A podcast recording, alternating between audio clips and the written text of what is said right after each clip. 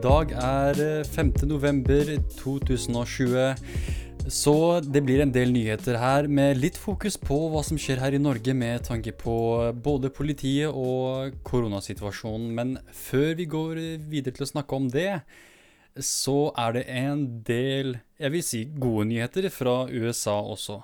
Så det som har skjedd nå med valget, er at eh, ja, siden vi har den situasjonen vi har her i dag med, med, med koronasituasjonen og, og alt, det, alt, det, som kommer med det, da, så har det, så har det vært litt vanskeligere å full, på en måte avgjøre hva som, eh, hva som faktisk er resultatet på valget. Da. Det, jo, det tar jo fortsatt litt tid å stemme alle disse valgsedlene og eh, på en måte ha et tydelig eh, resultat. da. Og akkurat nå så ser det ut til at Joe Biden leder ganske godt. Han leder med 264 poeng over Donald Trump, som uh, fram til nå har klart å samle inn 214. Så greia er at uh, man har så mange som 538 uh, poeng å, uh, å, fordele, da. Og akkurat nå så ser det ut til at Joe Biden leder, for det er jo fortsatt en del um, Det er jo vel rundt 60 ca. stemmer som ennå ikke har blitt fordelt. og det skal veldig mye til for at Donald Trump får en stor andel av disse stemmene. Han ser ut til å akkurat nå da lede i uh, Georgia, i North Carolina, i Pennsylvania og um, i Alaska også. Og de, disse delstatene har ennå ikke fullstendig avgjort hvem det er som har vunnet uh, de ulike delstatene. Men det er veldig tydelig om at Alaska kommer til å ende opp hos Trump. Er, han har veldig stor ledelse der, men i Georgia så er det litt mer usikkert, fordi der er det faktisk bare snakk om et par uh, ja, 10 000, 16 000 ca. Sånne stemmer som, uh, som utgjør forskjellen da, på Biden og Trump. Så det kan hende at uh, Joe Biden klarer å ta igjen Donald Trump akkurat her.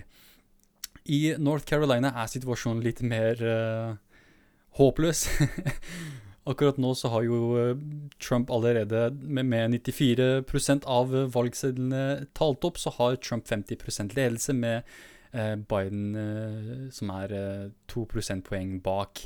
I Pennsylvania, som eh, etter min mening bør da ha blitt vunnet av, eh, av Joe Biden, så er det også slik at Trump leder der også med over 100 000 mer stemmer. Um, og her også så er det ikke alle stemmene talt opp helt ennå, så vi kan, uh, det, man kan fortsatt håpe på at uh, Joe Biden tar igjen um, med disse, disse mail-in ballots som har blitt sendt inn. Um, og i Nevada så har, uh, selv om det ennå ikke er talt opp alle stemmene der heller, så er det slik at Joe Biden har en, jeg vil ikke si en komfortabel ledelse, men en grei ledelse over Donald Trump. Men eh, hvis jeg skulle spekulere basert på de tallene jeg har foran meg her, så vil jeg mene at eh, det er stor sannsynlighet for at det blir en Joe Biden-seier.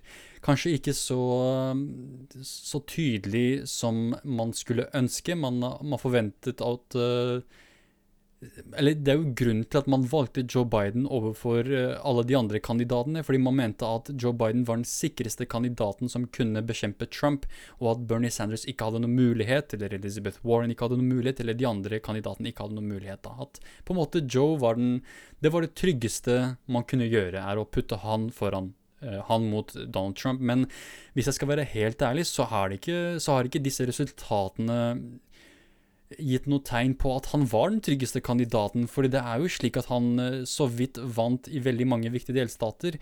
Um, når det egentlig burde vært slik at han burde ha pulverisert Trump i disse delstatene. Men uh, det er fortsatt veldig gode resultater, da, sånn sammenlignet med, med, 2016. Absolutt så er dette her veldig godt. Han har jo, uh, Biden har jo klart å få tak i Wisconsin, uh, som er veldig bra, og Michigan også. Um, han har også tydeligvis uh, ja, ja, noe som er ganske vanlig for demokratene, da, disse, disse kystdelstatene, som vestkysten og øst, østkysten, så har, uh, så har Biden fått en veldig tydelig seier. Og i Innlandet selvfølgelig de mer konservative og tradisjonelle delstatene. Eh, hvor man, hvor, man, har de mer tradisjonelle verdiene, beklager, så er det jo slik at Donald Trump leder der. Men uh, jeg vil igjen spekulere om at eh, Joe Biden kommer til å vinne dette her. Um, det verste vi kan se fra Trump, er at han fortsetter å fremme denne mistanken om at det er valgjuks som har foregått her, og at det er At mange av disse valgsedlene som har blitt sendt inn via mail, ikke skal stoles på. At, at man bør se bort ifra de, da. Og han har jo kommet ut og sagt at man bør stoppe tellingen. At det er allerede avgjort at han på en måte har vunnet, men det er jo ikke slik det er. Det, man, man må jo telle opp de som har blitt sendt inn via mail også. Og det er jo akkurat det man mistenker vil gjøre at Biden blir den endelige eh, vinneren av dette valget. da. At det på en måte vil være med på å vippe han over til seier. Og det, det, det er jo ikke lenge til Biden når dette målet. Man skal jo ha mer enn 270 og mer eh, poeng for å kunne vinne valget, og han er jo 264. Han er på 264, så det skal ikke så mye til for Biden å på en måte ha en uh, tydelig seier Tydelig vei mot seier videre, da. Men uh, ja, det, det er jo ikke bare dette som er de gode nyhetene fra, fra valget i USA. Det, det, er også andre lovforslag som har blitt stemt på, som har vært veldig positive. Og med det tenker jeg på at uh, New Jersey, Arizona, Montana og South Dakota, altså fire delstater i USA, har nå legalisert cannabis til personlig bruk. Og det i seg selv er en uh, type seier for progressiv politikk, vil jeg si. At uh, så mange delstater nå har bestemt seg for å legalisere. Spesielt New Jersey også, som har hatt en veldig konservativ ledelse ganske lenge, som har kjempet imot folk å ha tilgang til cannabis. Selv om det skulle være til medisinsk bruk, så har det vært veldig mye motstand, spesielt fra folk som Chris Christie, som også var en republikansk kandidat for valget i 2016. Um, men uh, ja, dette her er jo veldig gode nyheter. At fire delstater nå har hoppet på denne legaliseringsbølgen i USA. Det er spesielt interessant fordi USA var jo det landet som var med på å skape denne krigen mot narkotika. Eller beklager, krigen mot rusmidler. Og akkurat nå så ser det ut til at USA utvikler seg til å bli et av de landene som har den mest liberale og mest eh, ja, menneskevennlige, humane ruspolitikken også. Så det er veldig rart, da, for, for et historisk perspektiv, at uh, det landet som på en måte startet denne krigen mot uh, rusmidler, nå eh, også leder kampen for liberaliseringen av rusbruk. og det er ikke bare disse delstatene som har legalisert marihuana for personlig bruk, men også Mississippi, som er stort sett konservativ, har nå også legalisert marihuana for medisinsk bruk. Um, men det som kanskje er mer interessant eller kanskje mer spesielt, er det at eh, Oregon nå har valgt å ikke bare avkriminalisere cannabis, men alle typer rusmidler.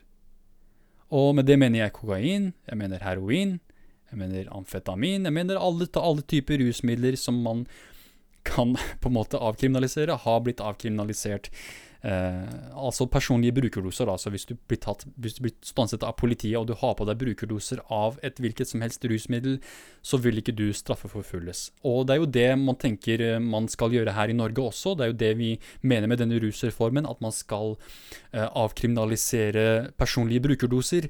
Um, og jeg vet ikke nøyaktig hva de ulike um, altså hva, slags mengde rusmidler som regnes som personlige brukerdoser i Oregon, men, eller Oregon, eller hvordan man sier navnets del, delstatens navn.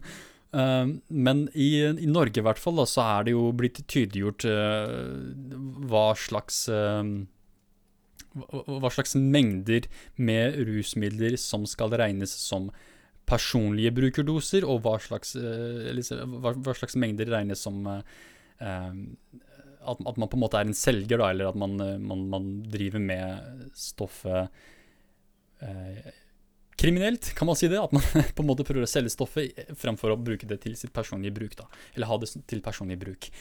Um, uh, det som er interessant med en artikkel skrevet av uh, Morten Ø. Karlsen for Nettavisen her, er språkbruken, men ikke bare språkbruken, men også bildebruken som man ser med gjennom artikkelen, altså hva slags bilder de bruker her.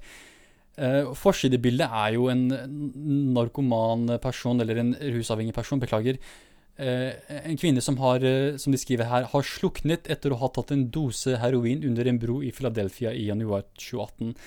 Uh, så for det første, det er jo ikke Det er i Philadelphia, det er ikke i Oregon engang, så hva, hva har det med denne, denne, denne lovgivningen å gjøre? Og for det andre, bruket av ordet narko, som hvor, hvor voldsomt det er gjennom hele artikkelen. Narko dette, narko det, narkotikabruk, narkosjokk. Oi, nå er det fly, helikopter som flyr over meg her. Uh, og jeg vet ikke hva jeg helt syns om det. Jeg syns ikke det er noe fint å uh, lene seg så mye på dette, dette, bruket av ordet narko når det er snakk om rusmidler, og ikke bare narkotiske rusmidler. Fordi når man snakker om narkotika i Norge, så snakker vi om noe helt annet enn når vi snakker om narkotika i andre land. Det er jo eh, på en måte staten som bestemmer hva slags type rusmidler er ulovlig, og dermed narkotika. Så hvis f.eks. cannabis i morgen i Norge ble um, avkriminalisert, så kan man jo egentlig ikke kalle det narkotika lenger. Fordi narkotika er stoffer som på en måte er ulovlig.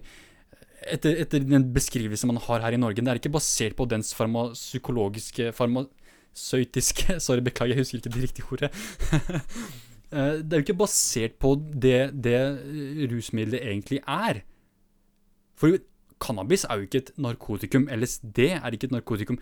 Sopp Altså Psilocybin er jo ikke et narkotikum, men det er det ordet vi bruker fordi disse stoffene er ulovlige, og de er rusmidler, og dermed så kaller vi de narkotika. Så at på en måte de bruker det så, uh, så, så ofte, da, det, det, har jeg et personlig problem med, for det gir et feil bilde av, um, av, av hva slags rusmidler det er man, man snakker om.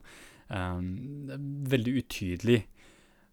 Men til syvende og sist så er dette her veldig gode nyheter for, for den internasjonale kampen mot krigen mot narkotika.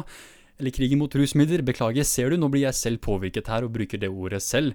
Um, så krigen mot rusmidler ser ut til å på en måte følge denne, denne bølgen av, av, avkriminalisering og legalisering, som er en veldig positiv utvikling. Um, og det er jo ikke Ja, det, det, som er spesielt med denne fullstendige avkriminaliseringen som man har i Oregon, er at det minner jo veldig mye om Norge. Og i Norge så har man jo uh, bestemt seg Eller man, man, man har lovet at eh, visse mengder av disse rusmidlene skal avkriminaliseres fordi man regner det som brukerdoser. blant annet fem gram heroin, kokain og amfetamin regnes som personlige brukerdoser. Mens for GHB er det 1 desiliter. Oi, beklager. Og for LSD er det snakk om tre lapper, og, og altså syreblotter Jeg vet ikke, vet ikke, jeg tror ikke det er så veldig mye. Eh, for MDMA er det 1 gram, og for cannabis er det 15 gram. Og for psilocybin og, og eh, psilocin, altså sopp, da, så er det 50 gram, mens katt er 2 kilo. Så det er veldig um, jeg vil kalle det liberale liberale begrensninger, da, begrensninger på, på, hva som er brukerdoser. Men det er også veldig realistisk når man tenker på hva som faktisk er en brukerdose for en enhver eh, Jeg vil kalle det en, en, jevnlig bruker av rusmidler. Og det er jo det man tenker på her, når man tenker på en, en, en rusreform som skal uh, slutte å straffeforfølge rusbrukere. Og når man tenker på hva, hva slags mengder hvor mye, Altså de mengdene rusmidler som blir brukt av uh, de uh, um, rusbrukerne, så er dette her veldig fornuftige tall å komme med, da. Sånn, det, jeg tror ikke det vil skape så mange problemer at dette, det er dette her som regnes som brukerdoser. Um, men la oss uh, gå videre her til å se på en annen positiv nyhet fra USA, og det har også med valg å gjøre. Og det er at uh, de fire svært progressive politikerne i, i uh, Representantenes hus, i Kongressen, Ilhan Omar fra Minnesota, Alexandra Ocasio-Cortez fra New York, Rashida Tlaib fra Michigan og Ayanna Presley fra Massachusetts, har vunnet sine valg også. Og det er utrolig gode nyheter. Altså fire sterkt progressive kvinner som er i amerikanske kongressen, nå vil, vil, sitte litt lenger også. Og dette her er et tegn på at uh, politikken de fremmer er populær, og at uh, deres representanter føler at de, blir, de, er godt representert av disse politikerne. Uh, og, og, det tyder på at den politikken de har, kan være suksessfull i valgkamper også. Så dermed tenker jeg det er litt kjipt da at, uh, at Det demokratiske partiet var så skeptisk til å stille Bernie Sanders som sin kandidat, og at de på en måte var så sterkt imot han som kandidat.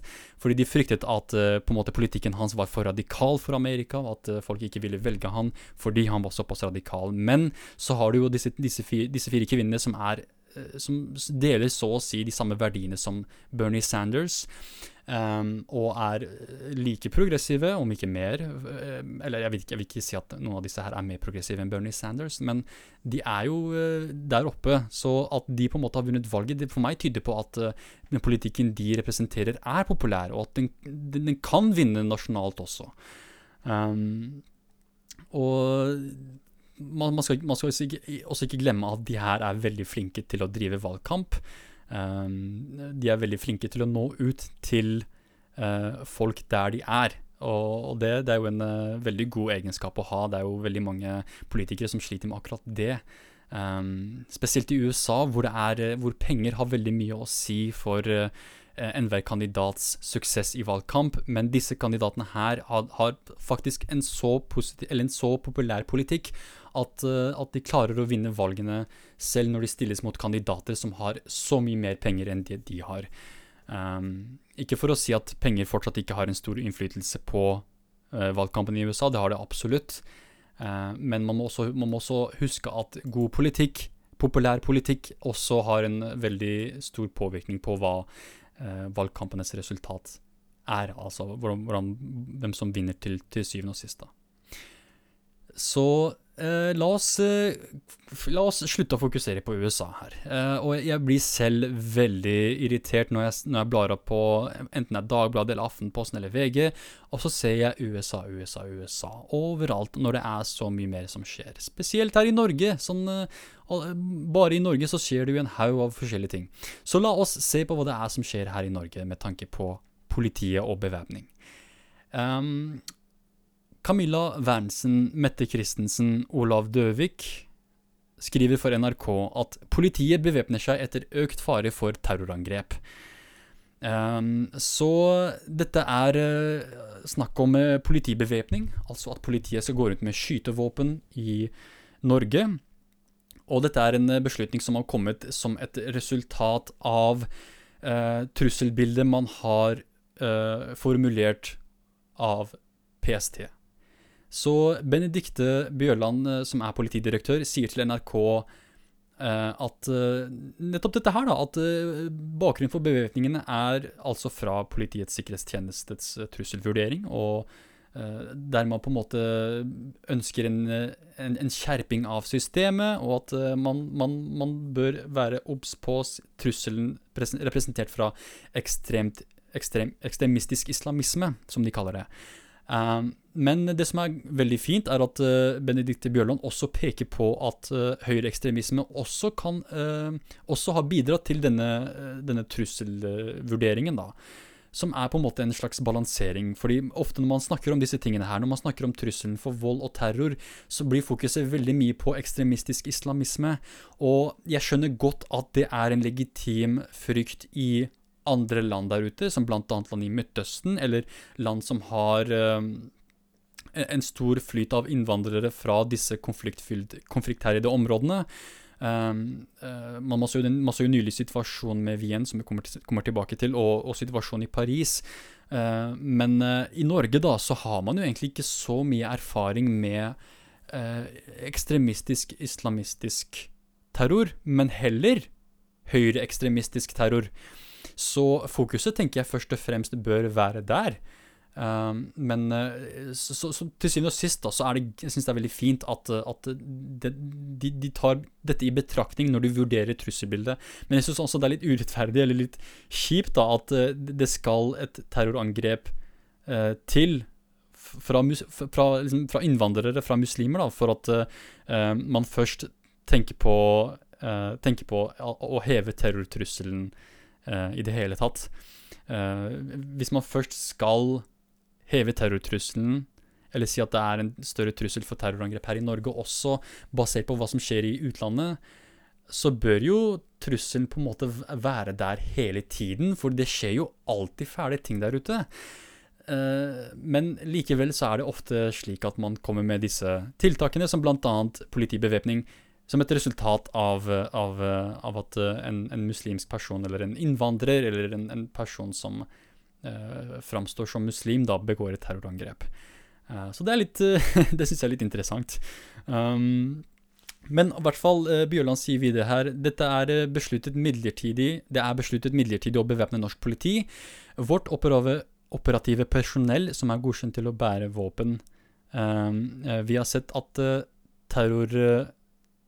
terrortrusselen er skjerpet.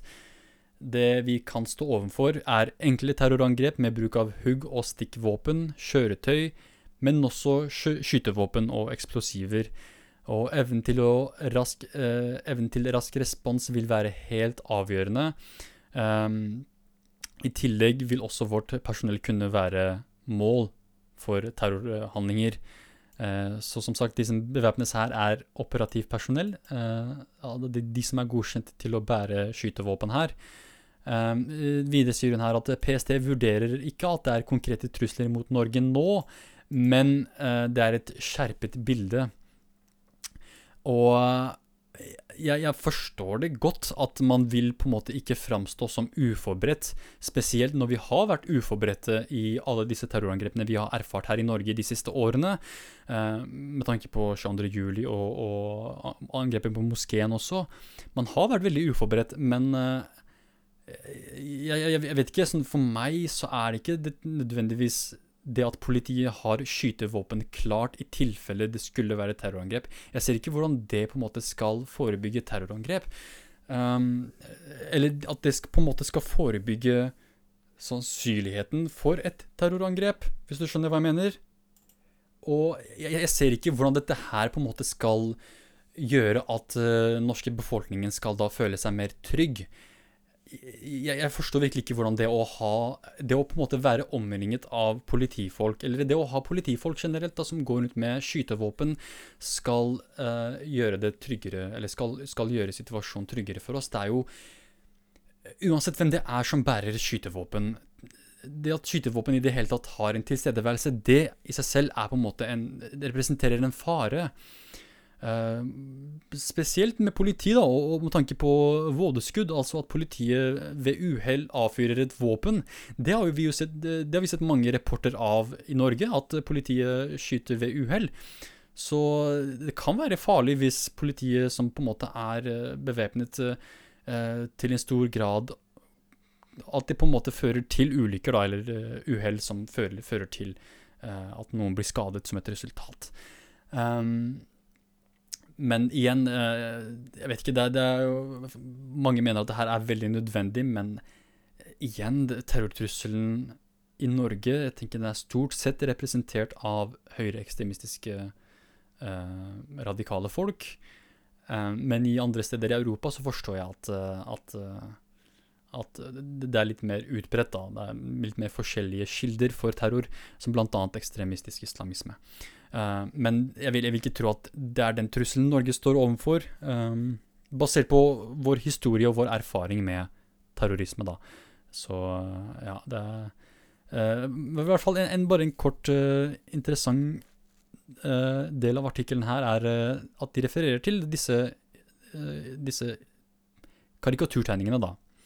Så PST mener at det er mulig at noen vil forsøke å gjennomføre terrorhandlinger i Norge basert på religiøse eller islamistiske motiver.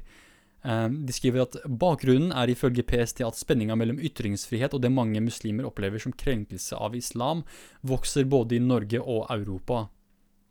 Og ifølge PST er det sannsynlig at islamkritikere i Norge vil fortsette med handlinger som oppleves som krenkende, så dermed vil det da føre til eh, mer fiendtlighet mellom de som er veldig hatfulle, jeg vil ikke si kritiske, men veldig hatfulle overfor islam.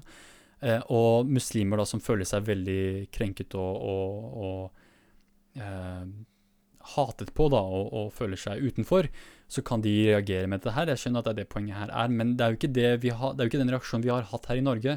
Eh, hvis det skal være en trussel mot Norge med tanke på religiøs ekstremisme, så må det etter min mening komme utenfra.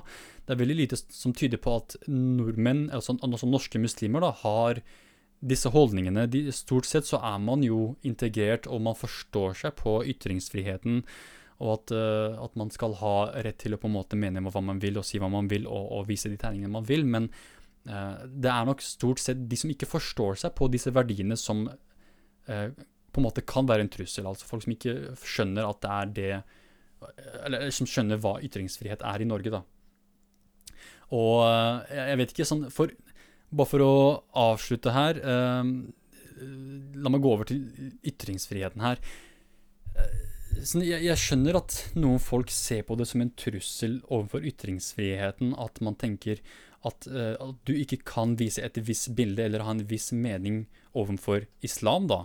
Fordi man frykter uh, at, uh, at, muslimer skal begå vold. Men etter min mening, den største trusselen for ytringsfrihet er ikke nødvendigvis sensur som et resultat av frykt for muslimer, men heller det vi ser med Julian Assange og pressefriheten. Det at det blir vanskeligere for land som Eller ikke bare land, men for, for journalister og, og, redaktører og, og mediehus og, og folk som er journalister generelt, da. Å snakke om og diskutere og um, lekke ut informasjon om krigshandlinger og krigsforbrytelser begått av land som USA. At de på en måte nå kan straffeforfølges, for meg så er det en større trussel enn den selvsensureringen som man frykter med, med, med den, disse karikaturtegningene, da, at man, må, man, man, skal slutte å gjøre det fordi man er redd for muslimer.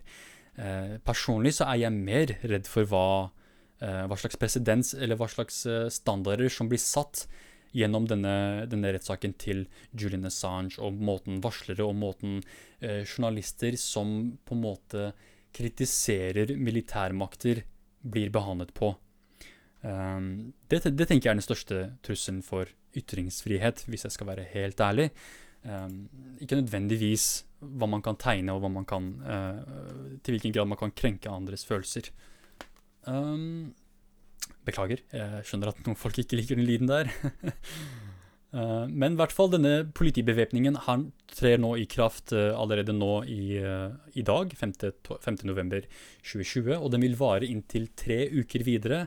Så innen, eh, innen disse tre ukene, hvis du er i nærheten av, av disse det de kaller operativt personell, så vil du se et par skytevåpen båret av politifolk. og hva som skjer videre, det vil bli vurdert etter disse tre ukene. vi, vil se, liksom, vi, forventer å se hva som skjer. Men jeg håper virkelig på det beste her. Jeg, jeg, jeg, jeg igjen, setter, jeg setter, pris på at politiet i hvert fall kommer ut og er ærlige når de, når de har denne terrortrusselen, ikke bare fra ikke bare med tanke på religiøs ekstremisme, men også politisk ekstremisme. Altså disse radikale rasistene da, som, som, tyr til vold for å, for å på en måte terrorisere både nordmenn og, og innvandrere som, eh, som, som, har kommet til Norge nå, da.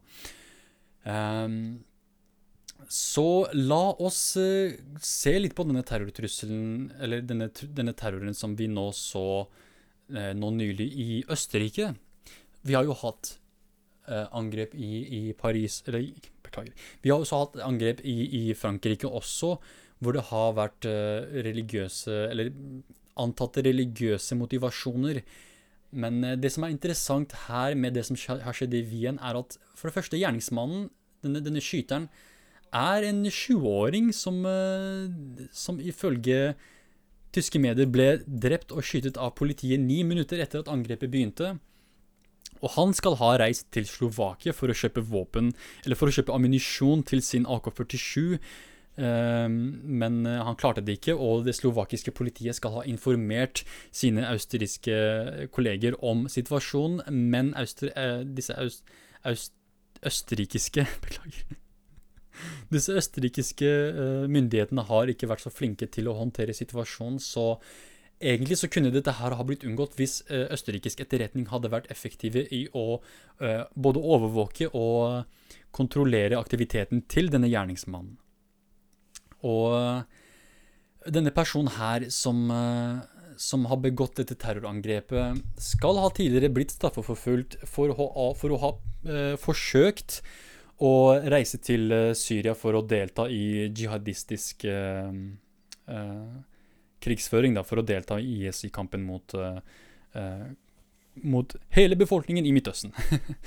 um, så var dette religiøst motivert. Jeg vil ikke si jeg vil ikke si at dette her var liksom Han gjorde dette her for sin, for sin gjennom sin kjærlighet til Gud og sin, uh, sin, tro, men heller at han har visse uh, radikale, ekstremistiske politiske ideologier som da har påvirket hans um, hans handlinger, da. Det, I slike situasjoner så har religion egentlig veldig lite med det å gjøre, men heller politikk og livssituasjon til personen har veldig mye med saken å gjøre. For når vi ser på hva slags folk det er som begår disse terrorangrepene, det er jo ikke gode, gode troende, religiøse folk. Det er ofte folk som er ganske fæle folk. Um, og folk som påstår å være muslimer, men likevel gjør alt det en muslim ikke skal gjøre. Og med det, vi, vi, vi, trenger, vi kan gå helt tilbake til 9-11 og, og, se hva de disse muslimene, som de kalte seg, hva de også gjorde. De drev jo med alkohol og gikk til strippeshows før de eh, begikk terrorangrepet. Så det har ikke nødvendigvis med, med deres religiøse tro å gjøre, men med eh, forvridde syn på verden og, um, og, og den politiske situasjonen. Um, så hvem er disse dere, Hvem er disse ofrene til denne personen her? BBC News har uh, skrevet litt om ofrene. Den ene var en 24 år gammel uh, tysk student uh, som ble drept i en restaurant som hun jobbet i. andre offeret var en 21 år gammel North Macedonian, eller nordmakedoner, som ble drept av denne, denne skyteren. En annen person var en 39 år gammel østerrikisk mann. Holdt på å si australsk, for jeg leser på engelsk her. Um, østerrikisk mann som ble drept in, in, front of Herregud, det er veldig vanskelig, direkten, veldig vanskelig å oversette på direkten her. Som ble drept foran en restaurant, mens en annen 44 år gammel øst, østerrikisk kvinne også døde i sykehuset etter Eh, etter også å ha blitt skutt. Så videre så har veldig mange personer også blitt skadet. 23 personer ble skadet i angrepet totalt. 13 skal ha blitt uh, skadet veldig ille. Um, og angrepet skal ha stort sett vært begrenset til et, uh, et område i, uh, i Wien. Um, så heldigvis så var det ikke altfor mange folk som mistet livet, men er, fire personer er jo fire personer for mye, og alle disse personene som har blitt skadet, er jo skadet for livet. Um, uh, og jeg syns, også det er synd at uh, gjerningsmannen mista livet. Jeg skulle gjerne ha sett han råtne i fengsel resten av livet sitt.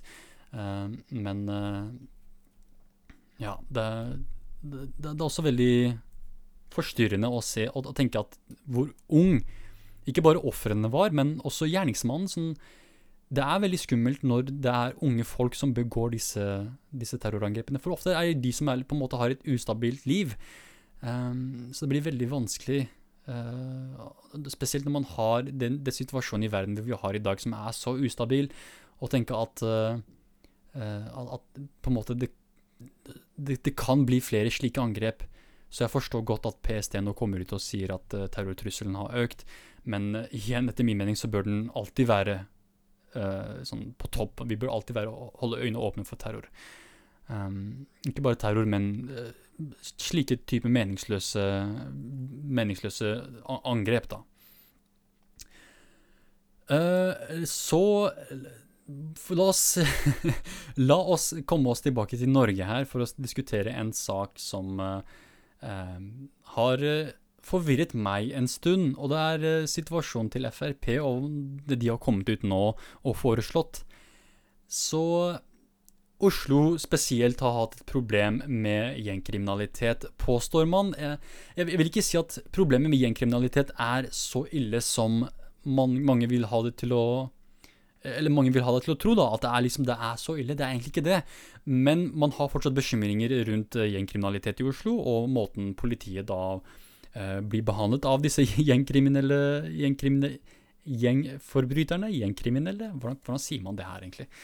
Um, så gjengkriminalitet er liksom en, en, type trussel eller en type bekymring som veldig mange har i Oslo. Uh, og med det mener jeg ikke bare Frp-ere, men også tidligere Ap-politiker Jan Bøhler har jo kommet ut og vært veldig uh, høylytt i debatten her. Og han har jo tidligere kommet ut og sagt at man skal um, innføre eh, tiltak for å Eller tilbud, da, som de kaller det, for eh, fengsling av ungdom. Uh, og jeg, jeg syns det er morsomt at de kaller det tilbud. Vi skal tilby deg å sone i fengsel som ungdom. Men det er jo akkurat det Frp nå også den, den, type politikk som Frp nå også støtter, er nettopp dette her med å, å straffeforfølge og fengsle ungdom også. Så TV 2 Nyheter eh, har skrevet en artikkel her, uh, eller spesifikke journalisten her er Anne Myklebust uh, Hodene, som har skrevet at Frp mener at Norge må innføre nye tiltak for å få kontroll på den grove ungdomskriminaliteten Igjen, jeg vet ikke hvor grov den er egentlig. Et av forslagene er å senke terskelen for fengsling av barn under 18 år, samt å senke den kriminelle lavalderen fra 15 til 14 år. Uh, de foreslår også å opprette lukkede institusjonstilbud for barn under den strafferettslige lavalder som har begått kriminelle eh, handlinger. Eh, blant annet så har Per-Willy Amundsen, tidligere, tidligere, justisminister og dagens justispolitiske talsperson, sagt at politiet står, utenfor, står, uten virkemidler til å kontrollere disse ungdommene. Vi får ikke fjernet ungdommene fra det kriminelle miljøet. Derfor tror jeg vi må bruke fengsel. Eh, vi vet at det funker og er en god måte å rehabilitere kriminelle på. Ok, la oss, la oss se litt på dette her. Så uh, fungerer fengsel i å rehabilitere kriminelle folk? Ja, det gjør det. I Norge gjør det det. I Norge så er, har vi et system som gjør at fengsel, fengselssystemet vårt er veldig effektivt nettopp fordi rehabilitering er fokuset. Vi tenker at når denne personen, denne, denne forbryteren, har sonet sin straff, eller på en måte blir løslatt fra fengsel etter å ha sonet sin straff, skal kunne delta i samfunnet igjen og kunne, kunne på en måte leve et, et, et uh, kriminelt fri liv. Og der, Derfor er rehabilitering på en måte fokuset. Men når det kommer til ungdom, så tror jeg ikke fengsling er løsningen. Det skal ikke så mye til for å rehabilitere ungdom, eller for å endre en, et, et, ungdoms syn på sitt eget liv og, og, og, sine verdier. Det mange av disse ungdommene egentlig trenger, er ikke fengsling eller rehabilitering eller å bli på en måte isolert fra sine miljøer, men heller en jobb fritidsaktiviteter, etter skoleaktiviteter, en klubb, noe som kan gjøre at de har et sted å være. Noe som gjør at de kan på en måte leve et vanlig liv uten å måtte ty til kriminelle handlinger for å kunne på en måte bare henge med eh, sine, uh, sine venner, da. Du kan jo tenke deg hvordan det er å være et ungdom i, som, som, på en måte har vokst opp i et, et, et, et veldig Eh, sosialt begrenset, eh, begrenset eh, situasjon, da. La oss si at personen bor i et veldig tett hus. da. Det blir veldig vanskelig hvis personen f.eks. bruker rusmidler. da. Det blir veldig vanskelig for personen å bruke rusmidler hjemme. Så dermed vil personen da bli tvunget til å gå ut og bruke rusmidlene sine der ute. Og det kan på en måte gjøre det enklere for politiet å straffeforfølge. Det blir lettere for politiet å arrestere disse personene. Um, og hvis du som ungdom ikke har noen fritidsaktiviteter du kan delta i, eller ikke noen uh, etterskoleaktiviteter som kan på en måte ta en stor andel av tiden din og fokuset ditt, så vil du jo henge rundt i gatene, du vil henge rundt disse kriminelle miljøene. Og hvis du ikke har jobb, hvis du ikke har mulighet til noen inntekt, hvis du ikke har noen penger i det hele tatt, hvordan skal du gå på kino? Hvordan skal du uh, ha penger til uh, sosiale aktiviteter? Du kan jo ikke det, så da blir du på en måte nødt til å begå kriminalitet for å kunne henge med. Så det skal ikke så mye til for å på en måte rehabilitere ungdommen allerede nå, før vi putter de i fengsel, før vi arresterer de, og på en måte ødelegger livet de videre i fremtiden. For hva tenker du skjer med livet til personen når du straffeforfølger de som ungdom, som barn? Hva gjør det med fremtidige håpene til dette barnet? At, at, på en måte de nå en, blir stemplet som en kriminell? Det gjør jo ikke ting lettere. Og hva gjør det med personen selv? Hva gjør det med individet? Hva gjør det med, med, med personen som blir straffet? Hva slags syn får denne, denne, ungdommen videre i fremtiden på samfunnet og politiet? Tror du ikke denne personen vil da utvikle et fiendtlig bilde av samfunnet som den lever i? Det gjør jo det. Og den måten du forhindrer dette på, er å tilby eh, tilbud da, som på en måte er eh, livskvalitetsforbedrende. Altså, de, de forbedrer livskvaliteten til disse ungdommene. Ikke å straffe de ved å putte de i fengsel. Og det, det er det som er litt interessant med Frp, er at de er veldig opptatt av å straffe. Og til å være et parti som påstår at de fremmer liberalistiske, eller liberale, klassisk liberale verdier og, og, om frihet og, og, individualitet, så er de veldig glad i å begrense andre folks friheter. Ikke bare med tanke på uh, denne rus, rusreformen, som de er veldig kritiske til, sammen med KrF. Uh, men også generelt, når det kommer til straff, de vil jo heve De vil jo også heve hva kaller man det Altså Fengselstiden i Norge, den, den, den, lengste fengselstiden du kan få, er 21 års fengsel. De vil heve det til 50.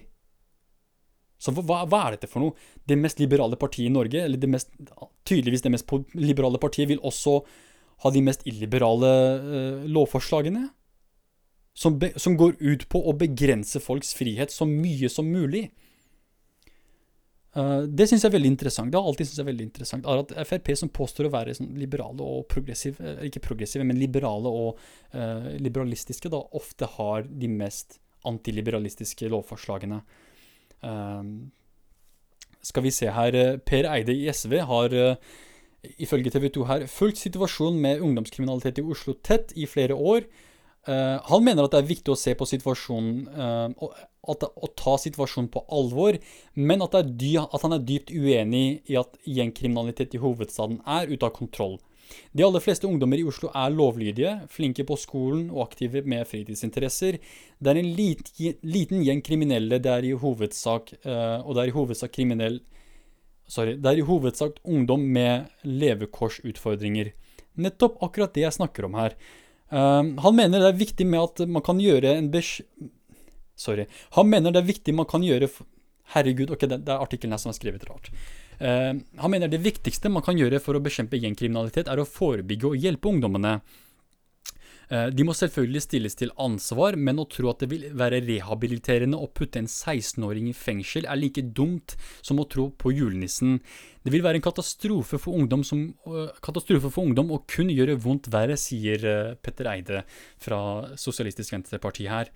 Um, Barneombudet skriver på sin side at de mener at ungdom under 18 år ikke bør sitte i fengsel, og at uh, man alltid bør finne på andre løsninger uh, fremfor straff. da. Og um,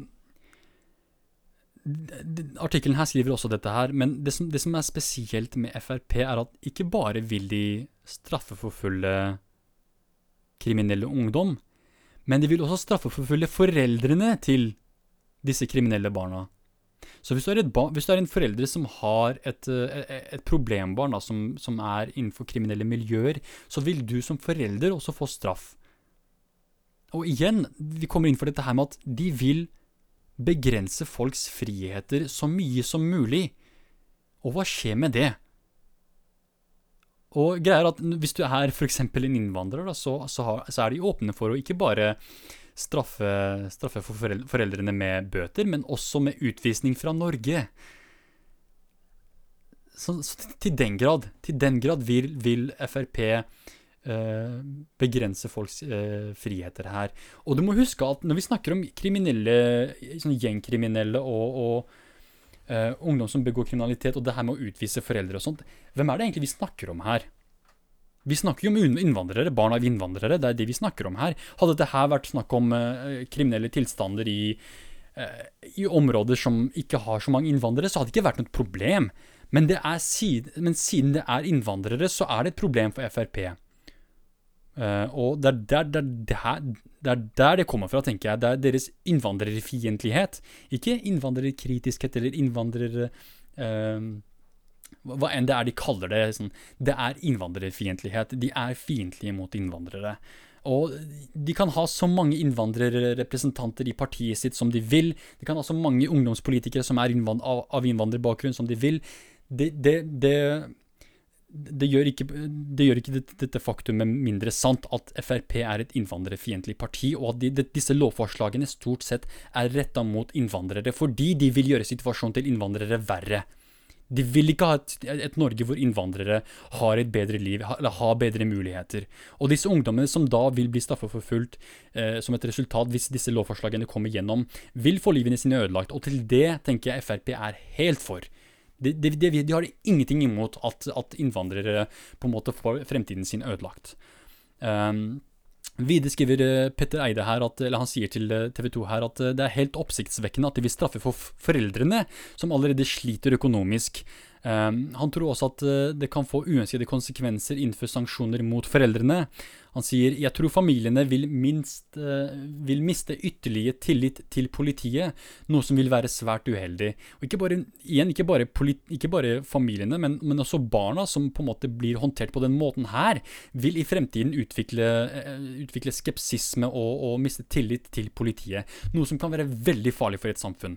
Og det er, det, det er sånt som bidrar til disse, disse, episodene vi har sett hvor ungdom uh, reagerer voldelig mot politiet, nettopp fordi de de har opplevd denne behandlingen. Hvorfor er det, hvorfor er det slik at uh, ungdommer i, på vestkanten bruker rusmidler til en større grad enn ungdom på østkanten, men likevel er det slik at ungdom på østkanten blir straffeforfulgt uh, til en større grad? Det har selvfølgelig mye med, igjen med, med, levekårene til disse ungdommene å gjøre. De blir på en måte tvunget til å uh, til å, å, å, å drive sin rusbruk ute på gaten. Men det har også noe med hvem det er politiet holder øyet åpent for, hvor det er de er mest aktive, hvor det er de fokuserer sin energi på. Og det er i disse miljøene. Um, og ja, jeg jobbet jo en periode på, på en bensinstasjon på østkanten, og jeg husker jo hvordan ungdom på en måte var avhengig av uh, av, av, av den, lille, den, lille, stasjonen jeg jobbet på, da. De, som, de, de kom der for å henge sammen, for å være med vennene sine veldig ofte. Og det var ofte de samme folka også. og Jeg, jeg forsto det godt. Jeg tenkte sånn Ok, dette her er åpenbart uh, folk som ikke har noe annet sted å være. Uh, og samtidig så så jeg politi der hele tiden. um, og jeg skal være ærlig, mange av disse ungdommene drev jo med rusmidler også, men uh, igjen, det, det, det er, jo, det er jo faktum at uh, ungdom i, på vestkanten bruker rusmidler til en større grad enn ungdom på østkanten også. Så det er ikke slik at det bare er ungdom på østkanten, altså innvandrerbarn, uh, som stort sett bruker rusmidler. Um, skal vi se her uh, Ja det som kanskje er mest motbydelig, etter min mening, som utlending, da, som innvandrer, jeg, som, som, gjør at jeg på en måte blir veldig motbydeliggjort, er nettopp dette her med at de vil utvise foreldrene til disse kriminelle ungdommene, som, som allerede har det vanskelig. De er i den situasjonen, Disse ungdommene som er kriminelle, er i den situasjonen de er i fordi de, de har det vanskelig økonomisk. De sliter. Så de må ty til kriminalitet for å på en måte kunne henge med. Og åpenbart så er det slik at foreldrene deres dermed også er i en vanskelig, vanskelig, økonomisk situasjon. Men det Frp vil gjøre, er å gjøre situasjonen enda vanskeligere. Gjøre det enda vanskeligere for folk som allerede har det vanskelig, og, og muligens utvise de fra Norge. Det, det, det, er, det er, ganske motbydelig, altså. Er, øh, og, måten de kommer og sier at å, det bør være sånn dobbeltstraff, det de kaller dobbeltstraff i utsatte områder. Uh, og at uh, hvis man begår kriminalitet i utsatte områder uh, som, er, som, er liksom ofte begått av gjengkriminalitet, vil det være fire dobbeltstraff. Så denne, denne, denne sånn helt, De er helt besatt av å straffe. Jeg ser ikke noe fokus på rehabilitering i retorikken deres. Det jeg ser fokuset på, er straff. Så hvordan kan vi straffe disse folka så mye som mulig? Ikke hvordan kan vi hjelpe disse folka? Hvordan kan vi hjelpe disse ungdommene fra å leve i et kriminelt miljø til å hente de inn i samfunnet, hjelpe de, inkludere de? Gjøre situasjonen deres bedre, slik at de ikke trenger å begå kriminalitet. Slik at de ikke trenger å, å, å være avhengig av rus, øh, øh, øh, ruskriminalitet, da. Altså disse kriminelle miljøene som selger rus for å overleve, for å kunne ha et vanlig liv, for å kunne ha et sosialt liv. Det er ikke det de tenker på. Det er ikke det første som kommer i tankene på dem. Det første som kommer i tankene på dem, er dette er folk vi ikke liker, og dette er folk vi vil straffe. Og igjen, rehabilitering fungerer i norske fengsler når vi, når vi snakker om uh, godt voksne folk som på en måte får muligheten til å forbedre livet sitt, til å skjerpe seg og, og, og bli bedre. Det er jo uh, veldig tydelig at Norge er veldig flink på dette her. Men når det kommer til ungdom, så tenker jeg ikke at, at det her er ikke den riktige løsningen. Den beste løsningen for ungdom er å hjelpe dem og gjøre situasjonen deres bedre. Uh, tilby dem en jobb. Så det, det, bør være mulig å, å, kunne på en måte skape arbeidsplasser for ungdom også. Eller ikke jobb nødvendigvis, men noe som gir dem mening. Noe som gir, gir dem tilhørighet. Noe som gjør at de kan være sosiale. De kan være med vennene sine i et trygt miljø uten å ty til vold. At de kan leve litt komfortabelt og kunne være barn, da. For det, det mange av disse folka er, de er barn. Vi, vi snakker ikke om 19-åringer og 20-åringer her. Vi snakker om 13-åringer, vi snakker om 11, 12 Vi snakker om veldig unge barn. Og det er veldig motbydelig at på en måte Frp, det første de tenker på, er nettopp å straffe de, istedenfor å på en måte hjelpe de da, eller finne en måte man kan forbedre livet, livet deres på. Um, så før jeg avslutter her, så vil jeg uh, snakke litt om en uh, en, en, av disse koronatiltakene som, eh, som, eh, politiet nå har eh, skrevet litt om her. Så politiet skriver at de oppfordrer alle til å følge og overholde reglene med tanke på koronatiltak og smittevern, og at det er viktig at vi tar ansvar. Og de mener fortsatt at de viktigste tiltakene er å holde minst én meter avstand til alle andre, hold deg hjemme om du er syk, holde hendene dine rene, altså vaske de ofte, holde antall mennesker du møter nede, altså begrenset sosial aktivitet, og de mener at, uh, at de skal forholde seg til det enhver tid um, de gjeldende regelverkene, og for alle til å sette seg inn i hvilke regler og anbefalinger som gjelder til enhver tid. Um, så hvis råd og henstillinger og uh, disse, disse smittevern- uh, og koronatiltakene ikke følges, så vil politiet gi pålegg for å sikre at reglene overholdes. Så du, så du kan bli straffeforfulgt hvis du bryter med disse koronatiltakene for, og disse smittevernreglene, da. Og med det snakker man om eh, hvis du driver med aktiv smittespredning, hvis du driver med brudd på karantene, og hvis det er gjentatte brudd, og hvis det ikke er eh, ikke etterfulgte pålegg. Og eh, de skriver at saker knyttet til brudd på smittevernbestemmelsene blir avgjort med bøter opp mot 20 000 kroner per tilfelle. Så hvis du ikke hadde noe motivasjon til å følge korona Eh, som det må f.eks. være i karantene når du er påbudt å være i karantene, så har du det nå med over 20 000 kroner eh, bot hvis du bryter med, med, reglene. Og dette er jo eh, Det er ikke noe nytt. Man man tenker på at eh, politiet eller myndighetene velger å straffe folk som bryter med karantene eller, eller isolasjon.